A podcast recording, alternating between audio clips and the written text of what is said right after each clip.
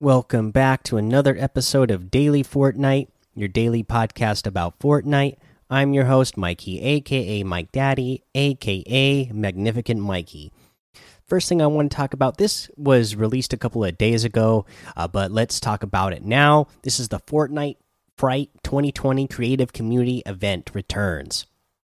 Creators, Halloween is almost here and spooky season has begun, which means the beloved and feared hashtag Fortnite Fright event is back. We want to see your greatest ghoulish creations this month. Submit and share a Halloween themed hub game or artist piece for a chance to be featured on Creative's most haunted list. Please note that this creator callout will be running at the same time as the Princess Castle Creative Contest, but it is separate from it. Submissions must be original work, so maps inspired by popular movies, video games, or other entertainment IPs won't be accepted. Here are a few thrilling maps from last year for reference. They had the Mansion of Power by Axel Kapek. We had Retribution by Snownomous. Uh, we had Infernum by Wirt Andrew. And let's see here. They say how to submit your Fortnite Fright Creative Map. All in game content should be submitted to the official form for consideration by October 21st. Select the genre pick list option seasonal event for your island to be considered. And don't forget to set up a camera in your map so players have a preview before jumping in game. Remember, you can share Fortnite Fright maps in the Creative Discord and Creative subreddit, as well as on Twitter using the hashtag hashtag Fortnite Fright. Let the haunting begin. So, again, uh, a fun little uh, event uh, for the creative community and a chance to get uh, recognized and shouted out by Fortnite themselves. So, that's always fun. Let's see here. That's all I have for that. Uh, but I do want to talk about this this weekend as well. So, uh, you know, Fortnite, you know, there was a lot of talk in the competitive scene the last couple of weeks or so about the uh, the prizing, the prize pools of competitive Fortnite, and how you know some people are saying like, oh, it's way too low now, but really, it's a lot more than other games and the fact that they do prizing so consistently is making it so that there are still plenty of people who are interested in playing competitive Fortnite and being in the scene to make money from it. And or there's still organizations now that are uh, starting up so that they can get a Fortnite team. And there's uh, esports organizations that are you know, signing Fortnite players so they can get a piece of that action because there is so much to be earned in Fortnite competitive. Uh, I saw this article over on FortniteIntel.com, and you know there is this uh, newer uh, esports organization that started called Gamma Gaming, and listen to this: who they just uh, signed to their team specifically for Fortnite. They have Thomas HD, Kami, uh, Tashinkin. Uh, I always I don't know how you, say this guy's names, but Marigin.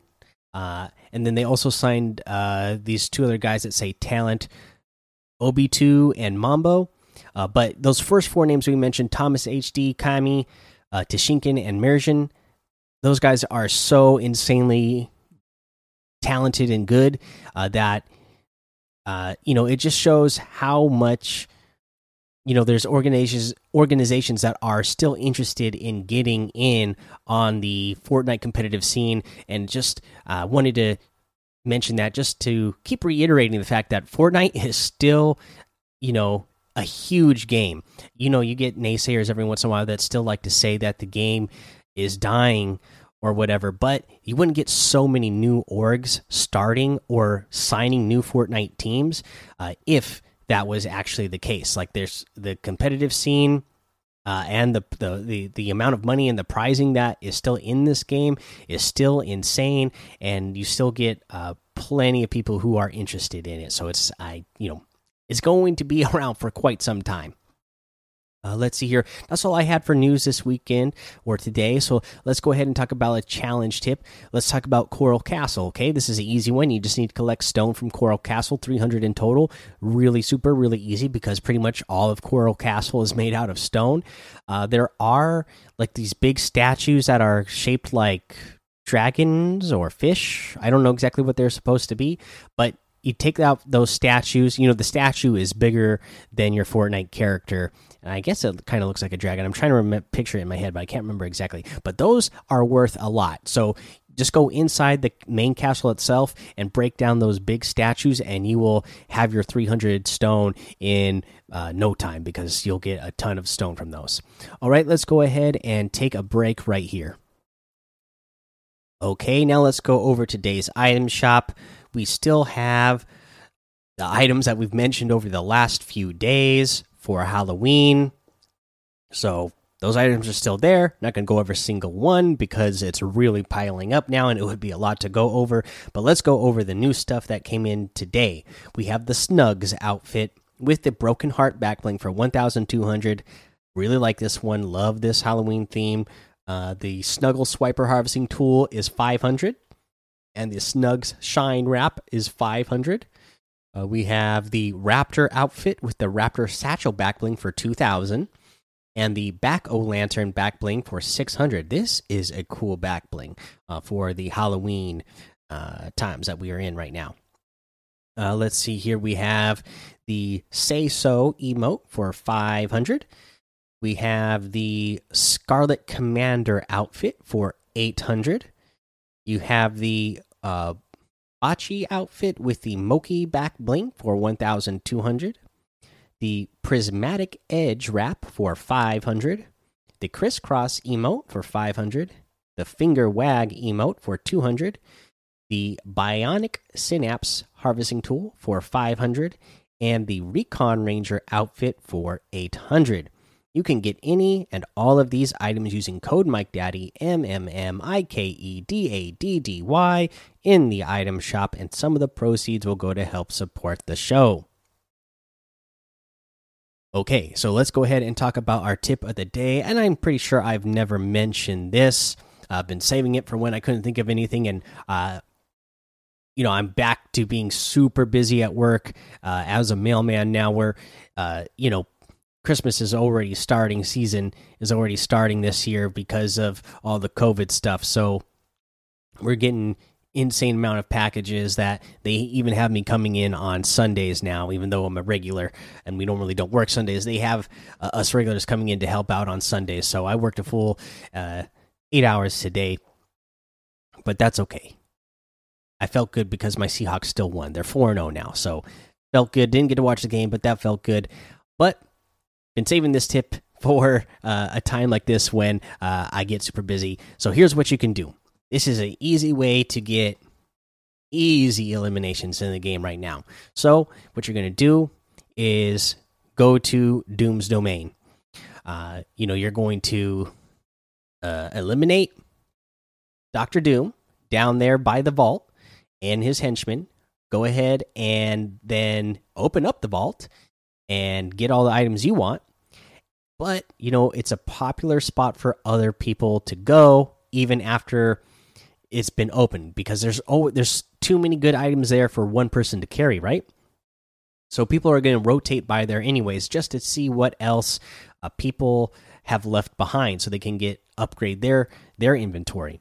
So what you're going to do and I'm only going to there I will say that there's a couple of spots that you can camp in in Doom's Domain. I'm only going to say one here because it's the easiest one to explain without needing you know a visual there's plenty of youtube videos that show you where to camp in dr doom's domain if you want to know the other uh, spots but here's the easiest one that i can explain to you so when you are at doom's domain and you're looking at the vault to the left hand side you know there's met some metal stairs that go up into a computer room uh, that computer room you can build a ramp next to it and then climb up to the top. There'll be a like a a, a ledge that is in the way, but if you break that ledge, you can actually crawl on top of that computer room. You know, you'll crouch down and you'll be able to crawl up there.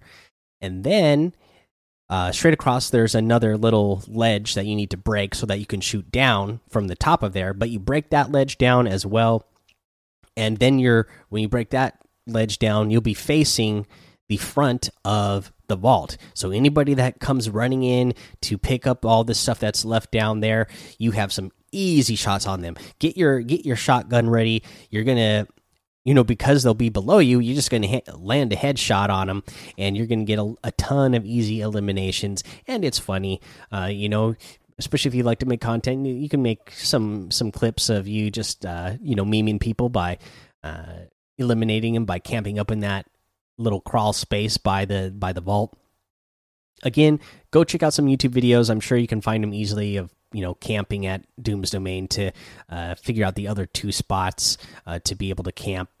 Uh, but yeah, that's the tip for the day, and that's the episode, guys. So go join the daily Fortnite Discord and hang out with us. Follow me over on Twitch, Twitter, and YouTube. It's Mike Daddy on all of those.